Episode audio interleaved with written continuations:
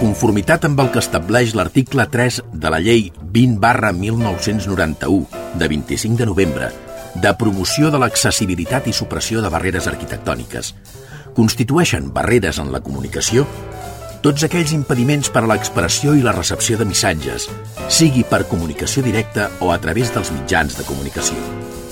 És per això que, emparant-nos en aquesta llei, volem que cada ciutadà gaudeixi del seu propi espai per moure's. Un espai sense censura. Un espai en què vosaltres sigueu els protagonistes. En definitiva, un espai per tothom. Benvinguts a Espai Vital.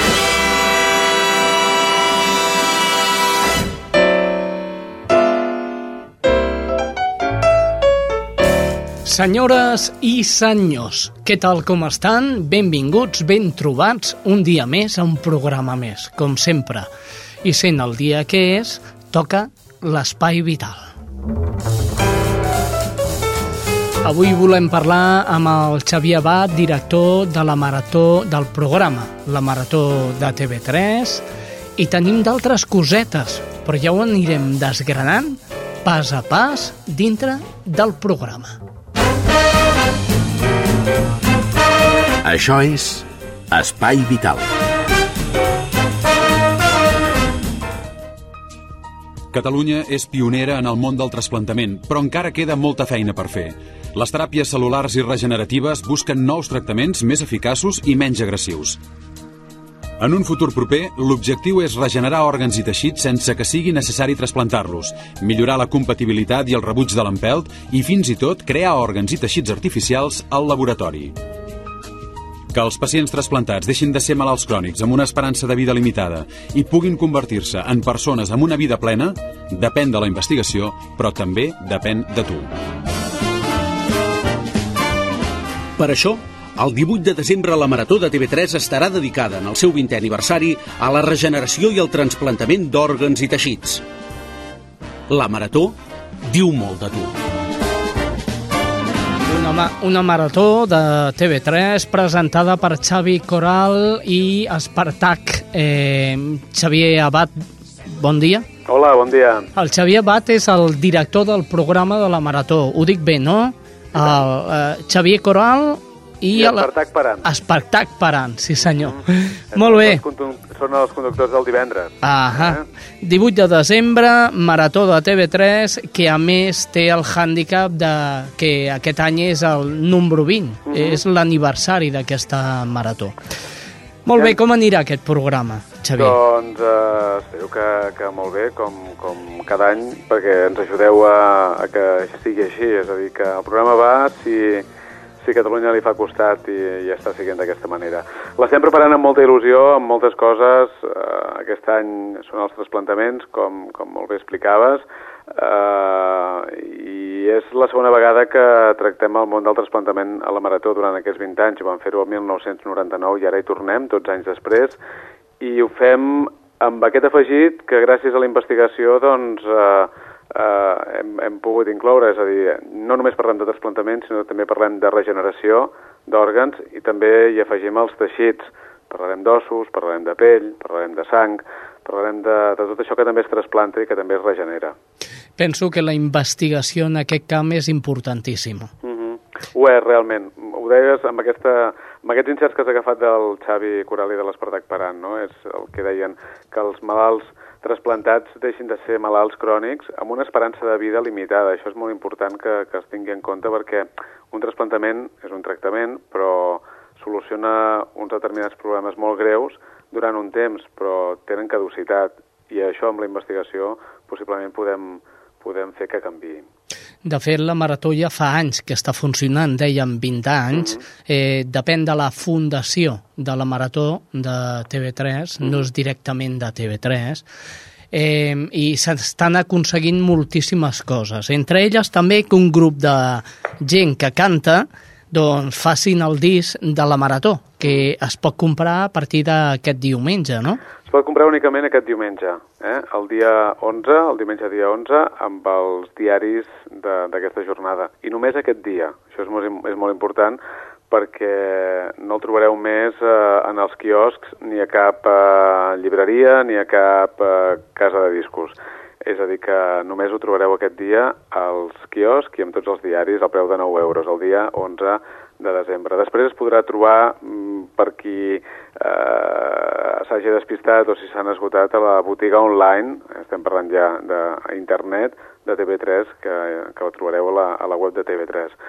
Um, sí, és la setena edició del disc de la Marató i hem, hi ha unes col·laboracions importantíssimes. Uh, són 20 cançons. Uh, el món de la música s'ha abocat doncs, per ajudar a la Marató de TV3 i això ens fa també molt contents i molt feliços. Un dels cantants és el Rafael, mm -hmm. que és potser el més important d'aquest disc, no?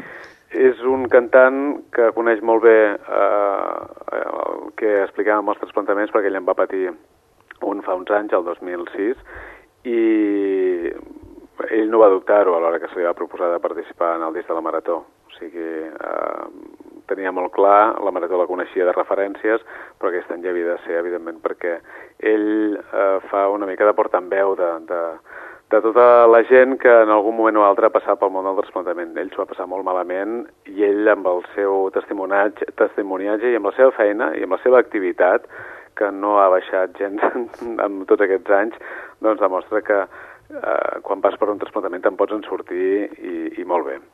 Molt bé, com feina també ha tingut el Marc Parrot, no?, produint aquest programa, ai, aquest disc. El disc, sí, el Marc Parrot, el Toni Ten i també el, el, el, el, el Jordi Cubino, que són els tres productors que habitualment treballen conjuntament al disc del Marató. Si tots tres s'han partit aquesta feina i, i, bueno, i han tingut encara més que mai, més feina que mai, perquè són 20 cançons. Amb el Marc Parrot vam estar fent a principis d'estiu, al mes de juny, vam engegar un projecte que era novedós, també pel disc de la Marató d'aquest any, que és el Banc de Sons, que ha donat com a resultat una de les cançons del disc, que crec que està al track número 18, eh, ara ho dic de memòria, i que es diu Teixit Humà, i ha sigut una cançó que hem fet pues, doncs una mica amb el, com fem la marató, amb, amb la societat, amb xarxa, a través d'aportacions de tothom, eh, que ens enviava versos i que després ens va enviar pistes musicals.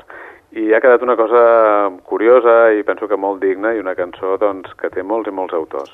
De fet, el comprarem aquest diumenge i el posarem a la ràdio perquè la gent l'escolti. Fantàstic. Molt bé, doncs, eh, Xavier, t'agraïm moltíssim la teva atenció mm. amb Espai Vital i que tragueu infinitat i infinitat de diners per a aquesta marató, la d'aquest any.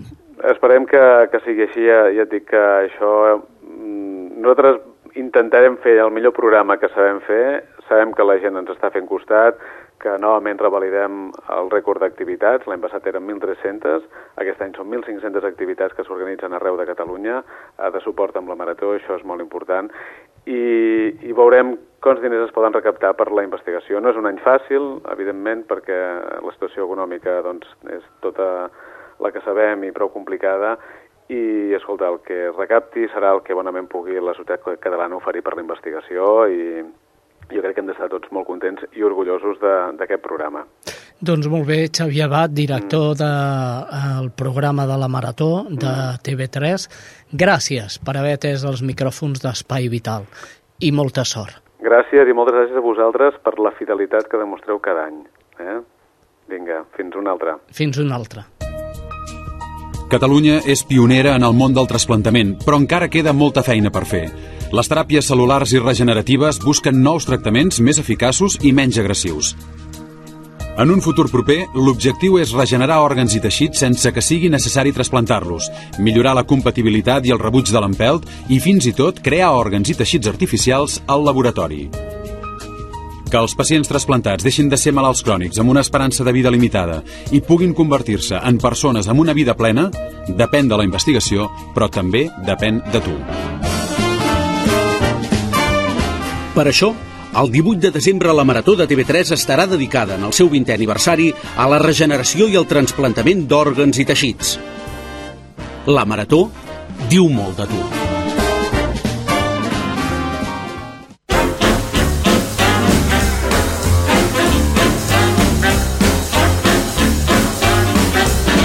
Espai Vital, el primer programa adaptat de les zones. És l'hora d'entrar amb l'Espai Salut. Avui l'Espai Salut de la Diputació de Barcelona ens parla del síndrome de Diògenes. Escoltem-lo. Salut. Amb la col·laboració del Servei de Salut Pública de la Diputació de Barcelona.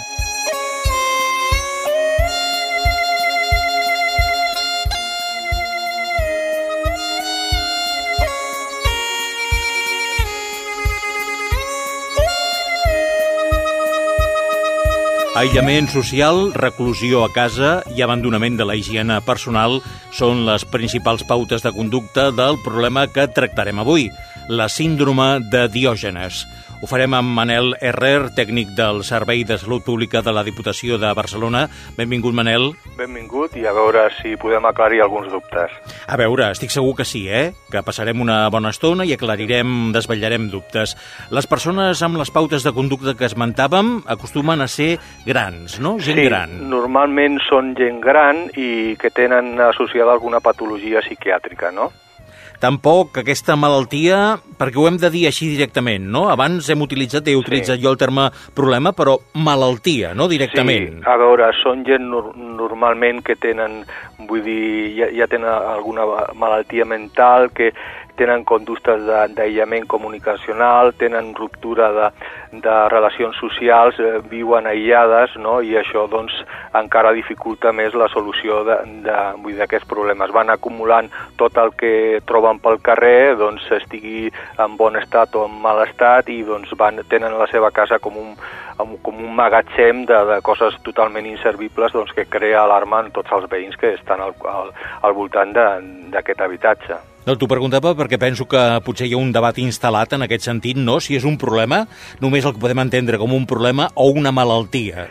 Bueno, és, un, eh, és una malaltia i, i un problema pel, pels veïns que la, que la pateixen, Sí, sí. no? Doncs el, la persona s'ha s'ha de tractar com un malalt, però clar, els veïns realment estan alarmats d'aquesta eh, situació perquè de vegades, eh, vull dir, eh, poden haver-hi incendis en l'edifici, poden haver-hi complicacions per tot el que és l'immoble. Doncs mm, tampoc aquesta malaltia fa discriminacions en els camps econòmic o social, no? Vull dir que un advocat, un catedràtic, encara Sí. que pugui semblar increïble, Sí. una persona amb un alt nivell econòmic la pot patir. Bueno, normalment, a veure, hi ha un biaix, eh? Normalment, eh, vull dir, eh, aquests casos es donen amb, amb problemes de baix nivell de, de rendes, d'un nivell educatiu baix, eh, i a més que estan aïllades socialment i que no, no tenen unes relacions eh, familiars, diguéssim, eh, adequades, no? Estan molt aïllats, però es dona principalment, eh, vull dir, amb, amb persones que tenen un nivell mm, econòmic baix. De vegades s'han trobat eh, persones que, eh, vull dir, de, enmig de la brutícia tenien molts diners acumulats, però no, normalment aquest no és el cas. Eh? O al banc, si no a casa, al entre la mateixa sí. escombraria, si no, al tenien banc, no? Sota el matalàs ho, ho tenien Sí, al banc, sí. però normalment no, no és així. Eh? Són, són gent, a veure, que, que poden guanyar-se bé la vida, o sigui, hi ha gent que inclús està treballant o que estan cobrant una pensió, o sigui, que poden viure de- d'una forma decent, però no se sap ben bé per què, doncs eh, acumulen moltes coses del carrer, no? Bona part dels nostres oïdors poden conèixer la síndrome per imatges televisives Sí. o fotografies d'habitacions plenes d'escombraries, no? És la imatge típica de la Aquesta. malaltia, no? Sí, sí. I, clar, realment eh, jo el que volia incidir és que aquests problemes són difícilment d'arreglar si, si la persona afectada no col·labora amb l'administració, no? Perquè, Això, què, què podem fer, Manel, quan coneixem algun afectat per la síndrome de Diògenes? O sigui, eh, el que han de fer lo, pr- primer els veïns doncs, és posar de una, de, per escrit, o sigui, una denúncia a l'Ajuntament dient, doncs, eh, exposant que, eh, que, que fets doncs, eh, eh, estan passant aquí en el seu immoble i la manca de condicions higièniques i sanitàries de, del veí doncs, eh, i la preocupació que tenen tots els veïns de l'escala. A partir d'aquí, els ajuntaments, que són l'entitat, que té la competència per, per eh, temes de, de control sanitari d'edificis i habitatges, doncs eh, anirà a veure doncs, eh, a l'abast d'aquest problema. El que, el que passa que els ajuntaments, doncs, eh, vull dir, el problema fonamental és que quan els veïns, vull dir, les persones afectades no volen eh, col·laborar, doncs eh, el domicili és inviolable, o sigui, això ja ho diu l'article no, 18 de la Constitució, que eh, eh, vull dir, no es pot entrar o registrar un domicili sense el consentiment del titular o una resolució judicial. Vull dir, aquest dret fonamental marca molt les actuacions a posteriori que pot fer l'administració municipal. De vegades eh, la gent vol col·laborar o algun familiar, però de vegades no, i això complica i endarrereix molt la solució d'aquests problemes. Molt bé, doncs la síndrome de Diògenes ha estat el tema que avui hem tractat amb en Manel Herrer, tècnic del Servei de Salut Pública de la Diputació de Barcelona. Hi han altres temes, altres problemes, altres malalties colindants a aquesta síndrome que de tota manera tractarem en un proper espai, si et sembla. Per avui ho deixem aquí i tornarem aviat amb aquest altre temps dedicat a aquestes malalties doncs al voltant o colindants amb el síndrome de Diògenes. Eh, Manel? Vinga, gràcies. Fins eh? aviat. Adéu-siau.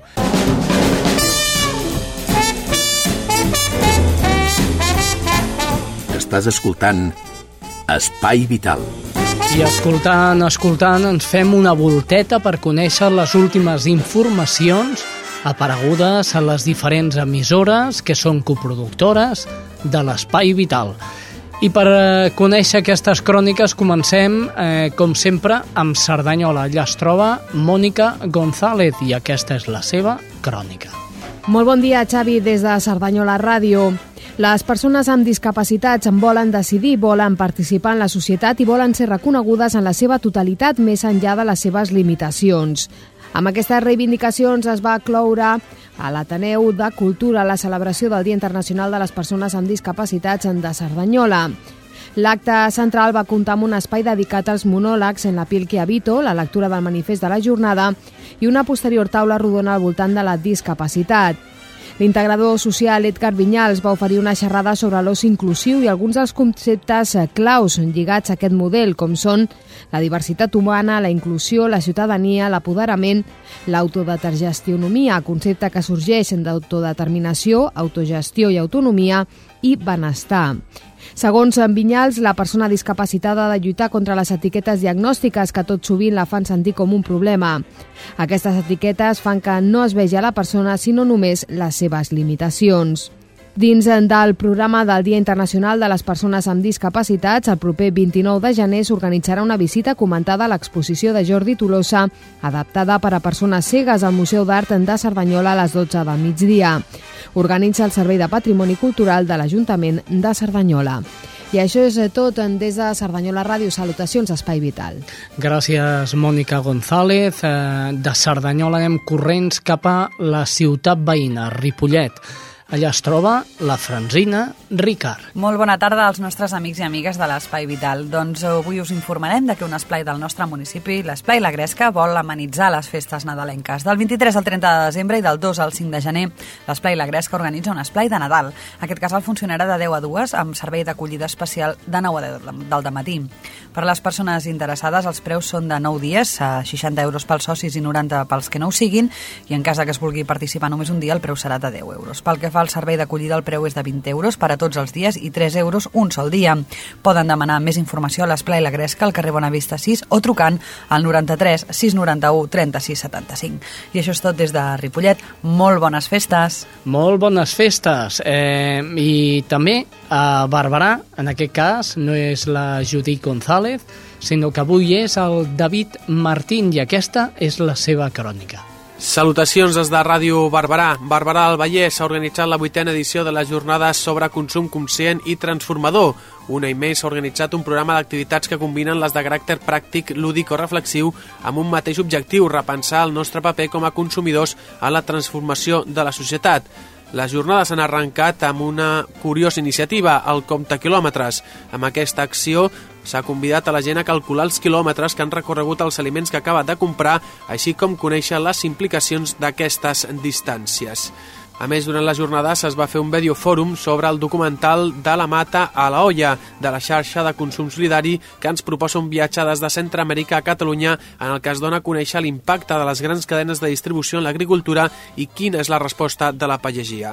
Durant les jornades de consum conscient i transformador també es va fer una interessant xerrada, debat amb la presència d'Esther Vives, investigadora de la UPF, activista per la sobirania alimentària i autora de diferents llibres sobre la matèria. A més, s'ha fet la presentació d'un recurs sobre salut alimentària elaborat per la Federació Casals de Joves de Catalunya.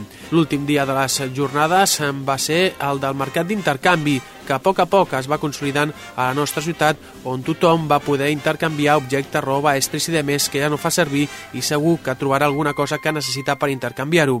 A més, durant totes les jornades hi ha hagut un punt de distribució de materials que ens ajudaran a reduir l'impacte ecològic en el nostre dia a dia, així com publicacions i llibres per si es vol aprofundir més en el tema. I des de Barberà, això és tot. Fins la setmana vinent.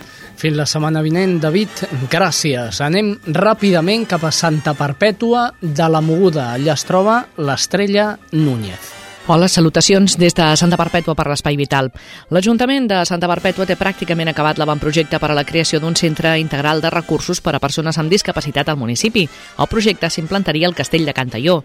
La voluntat municipal és presentar una proposta a la Conselleria de Benestar Social i Família amb l'objectiu de que la Generalitat es plantegi la possibilitat ferma de que a Santa Perpètua hi hagi aquest centre per a discapacitats que inclogui un centre d'educació especial, ocupacional, terapèutic, de dia, pisos tutelats o formació de monitors.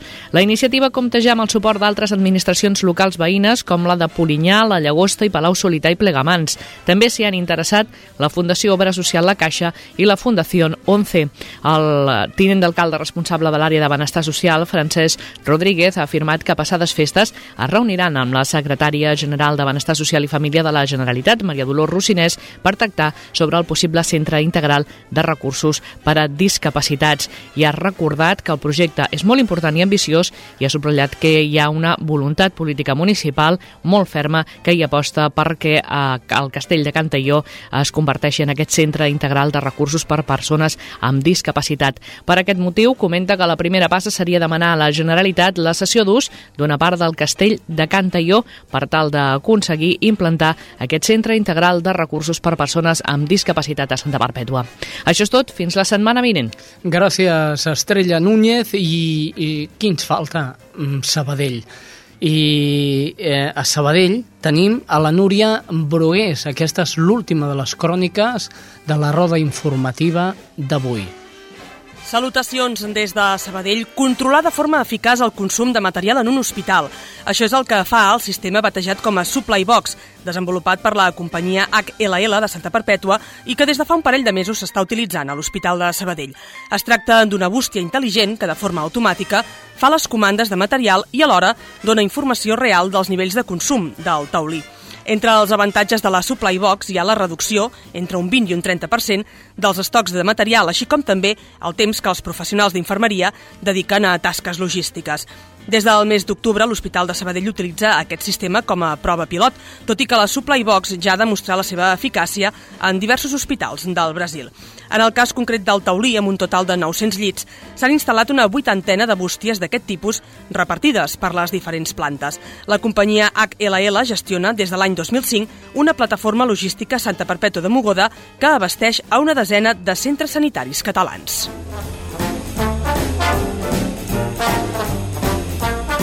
Això és Espai Vital.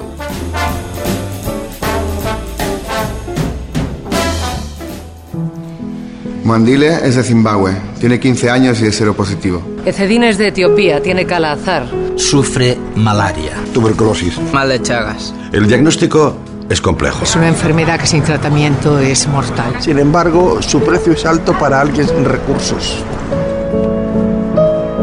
El problema es muy simple. Sin acceso al tratamiento, no hay cura. A tu salud, Negash. A tu salud, Isaka. Si te duele que miles de personas no tengan medicinas para curarse, compra en tu farmacia las pastillas contra el dolor ajeno. Cada euro se destinará a tratar enfermos olvidados. Pastillas contra el dolor ajeno. Tú te las tomas, otros se curan. A tu salud, Ereni.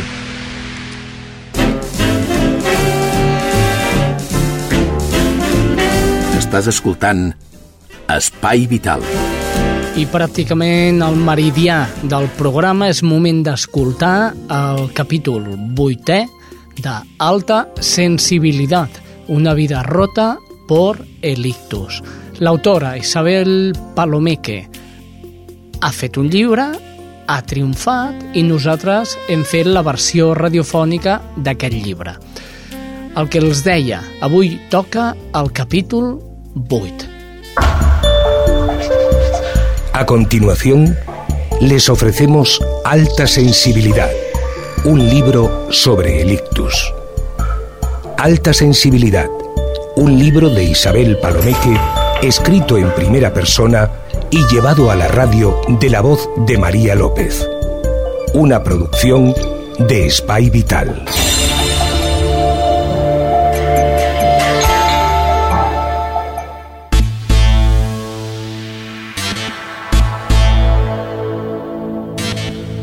¿Qué debemos hacer? Esta es la frase que siempre está a punto de salir de los labios de mis padres. Los días han ido pasando para ellos como una tortuosa condena. Yo continúo con una desorientación que no me permite saber en qué mes o en qué día estamos. De hecho, el aislamiento por el Marsa hace que incluso las horas hayan acabado en esta trampa de imprecisión. Trato de seguir el ritmo habitual a través de las comidas, pero las desconexiones de mi cerebro malogrado tampoco ayudan demasiado. ¿Ya he comido? ¿Ha llegado la comida? ¿Ha pasado un día? ¿Es de noche ahora? La cadencia me la dan los amigos que me visitan, aunque los uniformes por la asepsia no me ayudan demasiado a poner cara a este cúmulo de batas y mascarillas. Igualmente, el baile de médico se sucede de manera rítmica, precisa, y esto ayuda algo, a ver que sí, que el tiempo pasa y que he dado un paso más en mi recuperación, aunque no sea nada consciente de ello. El doctor hace su ronda habitual con la comitiva de residentes, repitiendo la escena de aparentar un interés por un caso que ya no le motiva. ¿Estás bien? ¿Algún cambio? Hasta después. Y veo a mi madre salir corriendo tras él cada día, increpándole porque no se puede creer que eso sea todo. Mi hija no sufre un resfriado, doctor. ¿Quiere hacer el favor de examinarla como Dios manda? Los ruegos de mi madre se despeñan en sus respuestas. No se puede hacer nada ahora, solo esperar a ver su evolución. Comprobar que ha quedado de actividad neuronal y que no tenga ninguna otra recaída. De hecho, como ya le he dicho, estaría mucho mejor en casa y no en este estado de aislamiento. Tiene toda la razón, al menos sobre este punto. Estaría mucho mejor fuera de aquí. Pero él habla del aislamiento de los virus y las bacterias que están acechando a los que tenemos el sistema inmunológico mermado. Yo pienso en el aislamiento en el cual este ictus me está sumiendo. Quiero volver a mi vida anterior, me grito a mí misma. Quiero la normalidad y la despreocupación del viernes por la tarde. Quiero, quiero, quiero. Y me repito miles de veces que esto es lo que más deseo, lo único que puedo desear volver atrás, negar que esto ha pasado y olvidar la tortura de la incapacidad. La fuerza de este deseo es tan grande que el sentimiento hiriente que le acompaña todavía vuelve a mi corazón. Seis años después, llenándome de angustia y de rabia. Empieza el día con el alboroto de los pasillos, los carritos con las sábanas, las toallas y las gasas. Hace poco más de un mes yo empujaba uno de estos carritos. Visitaba habitación tras habitación de mi planta, saludando, sonriente, trabajando como cualquiera de las enfermeras que ahora me atienden. Las auxiliares se acercan a mi cama con las esponjas y sin más protocolo me frotan la cara, la cabeza, recorren mi cuerpo con aquel jabón que prácticamente no necesita agua. Ahora tienen que hacer la cama me ayudan a ponerme de lado. Así, no te muevas, es un momentito. Y con rapidez, sus manos me colocan la sábana nueva y fría bajo la espalda.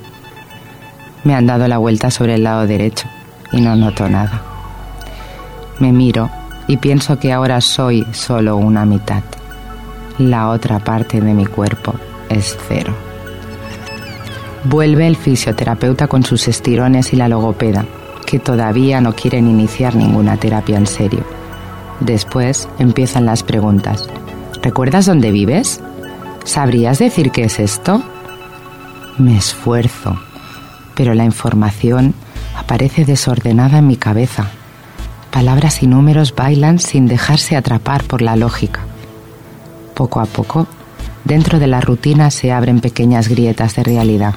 Entonces me pregunto a mí misma, puesto que no puedo hablar con nadie más, el por qué.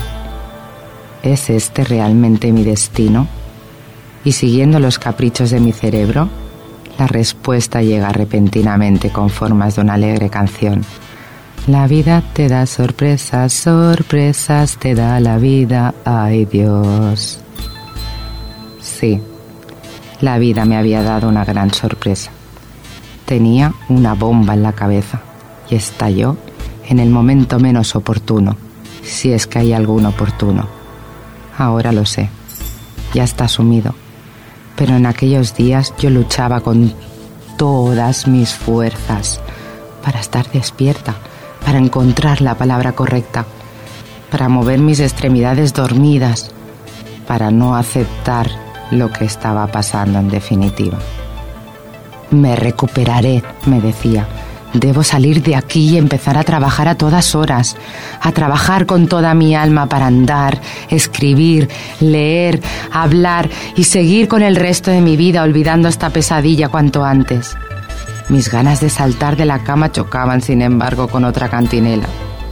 Paciencia, paciencia, paciencia, Isabel. Y todos entonando al unísono. Paciencia y yo los miro. Y si pudiera reconstruir una frase entera, les diría, no me digáis nunca más esto con... Lanzo miradas de odio y sarcasmo que seguramente no son entendidas, porque todos llegan cada día con una luz de paciencias a punto de surgir de sus bocas.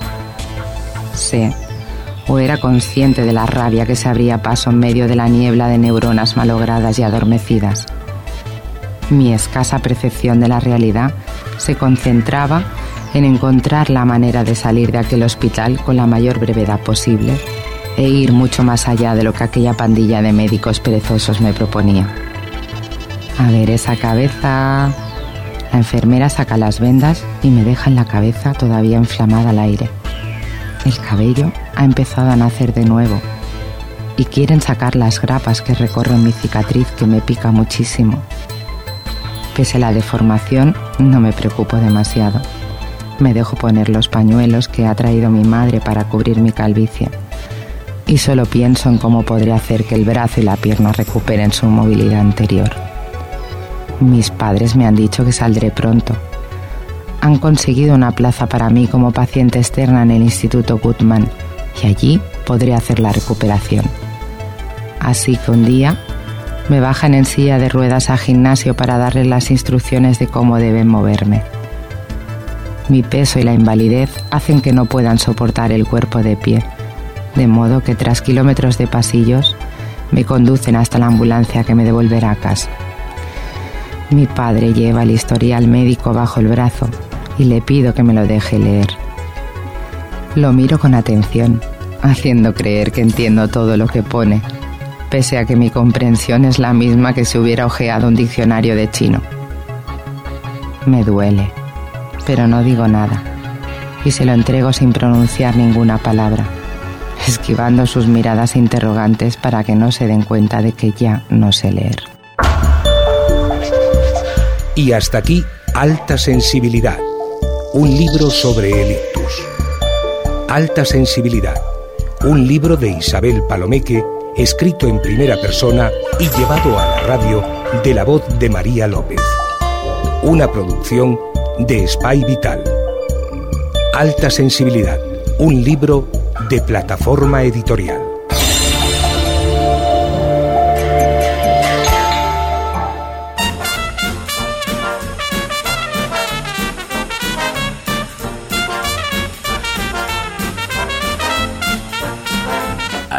Vital I ara toca parlar no de la marató de TV3, que ja n'hem parlat, però sí d'una malaltia que és crònica i degenerativa. És molt comú a les dones a partir d'una certa edat, a l'edat en què elles agafen menopausa. És un espai que hem capturat d'internet, del programa Saber Vivir, i que parla precisament d'això, d'osteoporosi.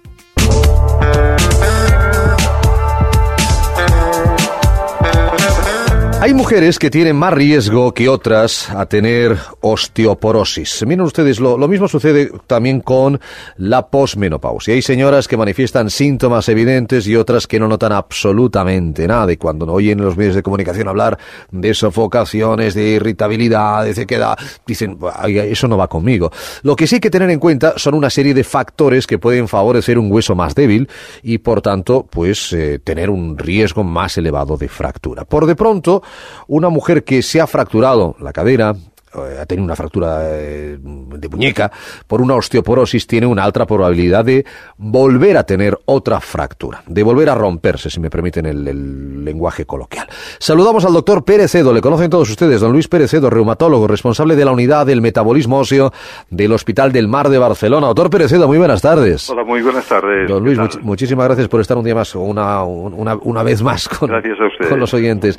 ¿De qué depende, doctor, que una mujer desarrolle una osteoporosis? Eh, el factor principal que tenemos es un factor genético.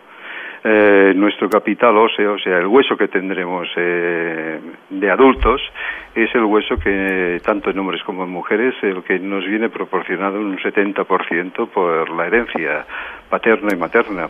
Quiere decir que ya podemos salir ya con un bajo capital óseo o con un alto capital óseo.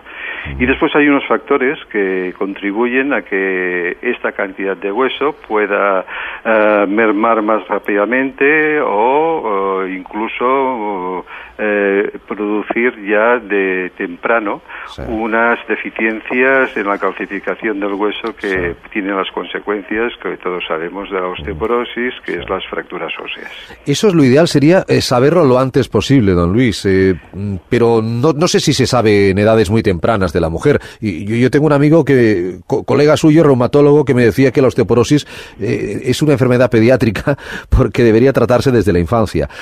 Lo, lo, lo, lo, ideal sería eh, cuando la niña, pues no sé, tuviera 5, 6, 7 años, saber ya cuál, cuál puede ser su evolución. ¿Sería esto lo ideal? No, esto no sería lo ideal ¿No? porque se, sería angustiar demasiado a la población general. Bien. A ver, siempre tendríamos que hacer un efecto de alarma Sí. siempre que pudiésemos hacer una actuación en este momento. Correcto. Por ejemplo, si tenemos una mujer premenopáusica, aunque tenga una densitometría eh, en el rango de casi de osteoporosis, eh, salvo hacer unas medidas generales, un buen aporte cálcico, hacer ejercicio, no se debe hacer nada más, porque mientras mientras está eh, eh, ovulando, o sea, mientras sus sus hormonas sexuales femeninas funcionen bien, ya está haciendo una protección. Ajá. Es cuando viene la menopausia, cuando sí. nos hemos de preocupar de si esta paciente necesitará un tratamiento supletorio o no. Eh, los niños pasaría lo mismo, o sea, los niños eh, pues tienen que hacer una prevención ya uh, iniciada, sobre todo en la adolescencia, uh -huh. con unas, unos aportes cálcicos sí. y un ejercicio correcto. Y esto ya es suficiente. No vamos a hacer nada más que nos pueda apartar de esta de este patrón. Únicamente eh, en determinados casos ya muy concretos, como por ejemplo ahora la, la gran abundancia de pacientes que hay con anorexia nerviosa, esto es un ejemplo, uh -huh. que son ya pacientes que desde la adolescencia empiezan a tener trastornos menstruales de amenorrea, o sea, que decir que no reglan, esto significa ya un factor de riesgo importante que hemos de tratar ya de base, suponiendo que estos pacientes lo que hacen es no fabricar estrógenos, entonces es posible que tengamos tengamos que tratarlos con suplementos de estrógenos. Pero esto ya son eh, entidades ya más específicas que se apartan de lo que es la osteoporosis de normalidad, por decirlo así, entre Entiendo, comillas. Entiendo. Pero apartándonos un poquito de, de- de la normalidad, efectivamente, eh, ¿cuándo hay que dar tratamiento médico para la osteoporosis en una mujer, doctor eh, Perecedo? Pues cuando la mujer llega a la menopausia, entonces se hace una valoración de los distintos factores de riesgo, que serán los mismos que nos van a servir tanto para el riesgo de fractura como para determinar si tiene un criterio para realizar una densitometría, porque el screening masivo con densitometría en la osteoporosis no es rentable, o sea que no tiene un coste-beneficio aceptable. Entonces, eh, hay unos factores de riesgo clínicos que nos sirven para cribar la población. Quiere decir que pacientes, por ejemplo, del sexo femenino con eh, una menopausia antes de los 45, ya se considera que este es un factor de riesgo porque la vida, la vida eh, sexual estrogénica pues ha disminuido y este es un factor de riesgo. Pacientes con, por ejemplo, con poca talla y peso peso muy disminuido, pues también es un factor de riesgo importante. Eh, pacientes que están tomando medicaciones como la cortisona. El hábito tabáquico también influye en eh, tener una menor calcificación del esqueleto. Eh, una serie de condiciones que nos ponen en alarma de que eh, esta paciente se ha de hacer una atención más especial. En este sentido sería hacer una determinación densitométrica, que de momento es el elemento que tenemos más a mano para establecer un riesgo de fractura. Eh, eh, pero, sobre todo, eh, teniendo en cuenta estos factores de riesgo, como usted ya ha mencionado anteriormente, una paciente ya que presente en la edad de la posmenopausia una fractura por fragilidad, que significa una fractura, una fractura con un traumatismo mínimo, esto ya significa también un eh, mayor signo, dijéramos, de alarma, pues una fractura ya significa que esta paciente habrá podido perder una cantidad eh, suficiente de hueso para ponerle eh, su esqueleto en un término de warning de fragilidad ósea. Eh, pacientes que han efectuado tratamientos, por ejemplo, con corticoides por diversos procesos, pues también es necesario ya cuando se ha iniciado y si no se ha iniciado el estudio cuando cuando se ha iniciado el tratamiento, pues entonces lo hemos de poner en marcha. Hay diferentes categorías en cuanto no hay un estándar, sino que cada paciente tiene su historia, cada paciente se ha de hacer un poco el traje a medida.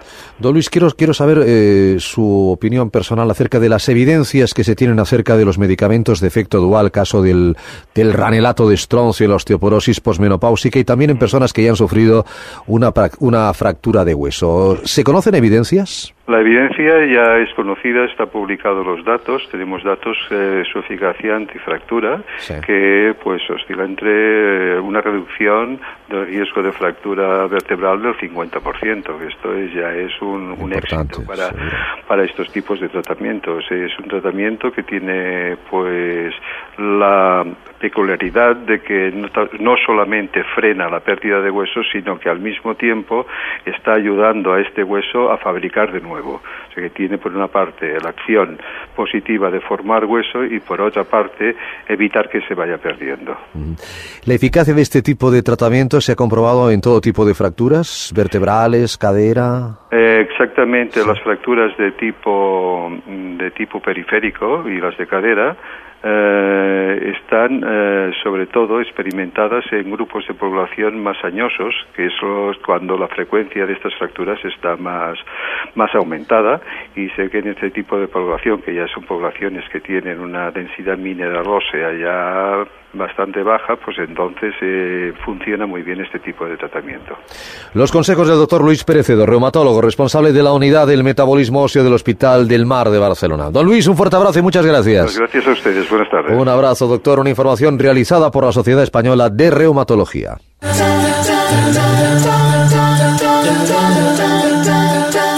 I tu? Des d'on ens escoltes?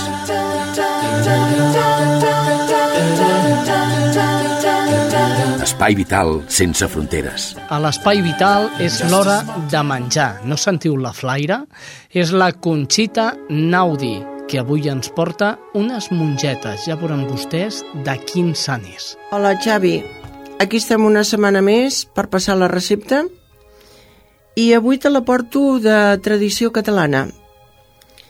Mira, són unes mongetes tendres a estil Sant Carles.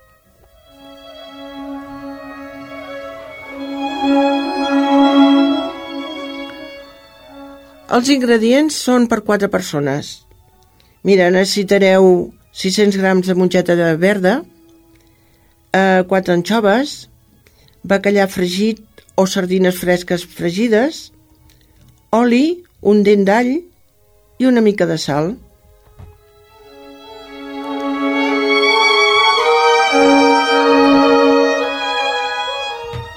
Ara anem per l'elaboració. Molt senzilla, eh, aquesta recepta. En primer lloc, es posen a bullir les mongetes netes amb aigua i una mica de sal. Quan estan bullides s'escorren i es passen per una paella amb un gra d'all. I es deixen uns 5 o 6 minuts que es vagi saltejant. Uh, un cop estiguin ja passades, s'hi posen les anxoves a trossets que s'hauran desfet amb una mica d'oli calent. Aleshores, es retira l'all de la paella i es posen les mongetes amb una plata i per acompanyar el plat s'hi posa el bacallà o les sardines fregides al costat.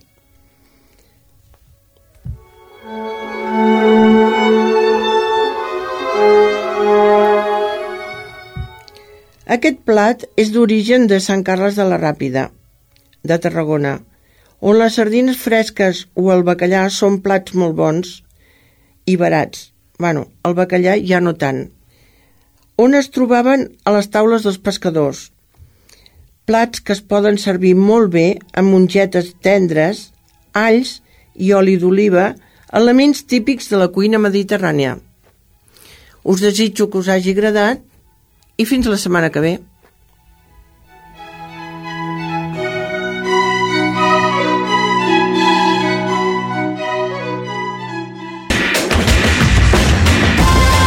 Molt bé, fins aquí arribem i us recordem que aquest ha estat l'últim programa d'aquesta temporada. Tornarem a partir del gener, a partir del 14 de gener, Espai Vital per les sis emissores i per tota la població que escolta les sis emissores. Jordi Puy, el control tècnic, Chiquitín, Maria López i Xavi Casas. Després de les vacances, torneu que tingueu bones.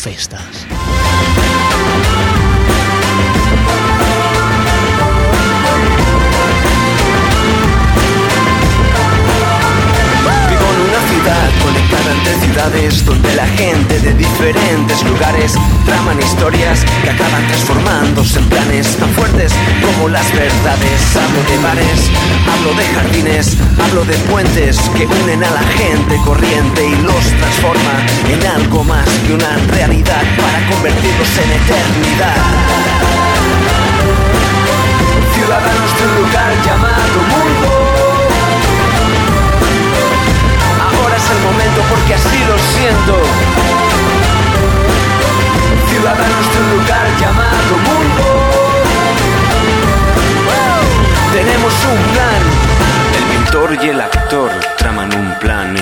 y la ciclista están tramando un plan. El arquitecto y el camarero están planeando cómo mejorar el lugar. Señoras y señores, somos movimiento. Este es el momento. Juro que no miento. Somos el motor de las calles en acción. Sí, y el sol se pone entre los balcones y las nubes se esconden en la oscuridad. La ciudad se llena de luces de colores ante otra noche que promete ser especial crece la ilusión y la conexión que prende la chispa de la voluntad. Sí, una vez más, sí, una vez más, ciudadanos de un lugar llamado mundo.